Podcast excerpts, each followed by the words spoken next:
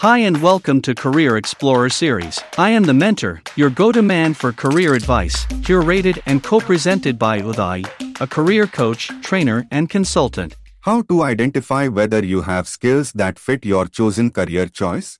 The answer for that would be you may need to do a self-assessment. You need to test out whether you have the required skills to help you achieve success in your chosen career choice.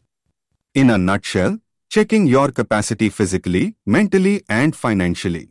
Of these, financial assessment is the simplest and primary thing. Generally, people consider it first. There is nothing wrong with this. However, you cannot have a plan without knowing the cost involved in your career choice. Otherwise, you may get disappointed or distracted by financial stress while studying for the qualification.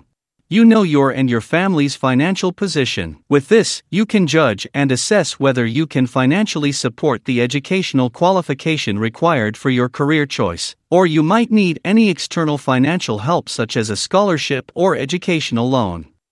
Next, coming to your skills, personality traits, your strength and weakness. We will guide you how you need to self assess yourself. List out all your strength and weakness which you feel that will impact your career choice. Every individual is of a different personality type. Try to understand your character, what really motivates you in your life.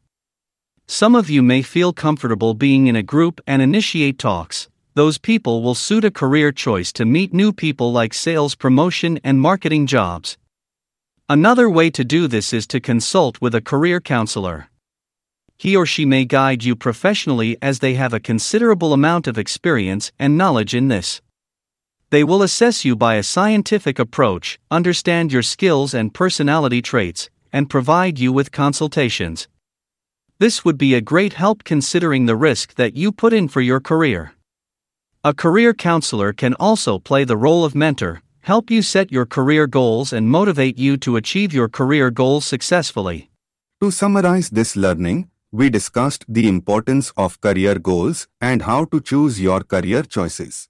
In addition, we understood the role of researching job profiles and the importance of networking contacts.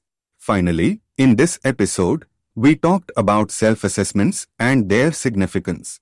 As a career counselor and guide, I request you, people, to seek professional help and succeed in a promising career. Feel free to help others by sharing this podcast with them. Remember, sharing is a way of caring. Your support can change someone's life. You can follow us on Facebook, Twitter, Instagram, and LinkedIn for more career related information like this. See you soon in the next exciting episode. Until then, it's Uday and Mentor signing off from you. Bye and take care.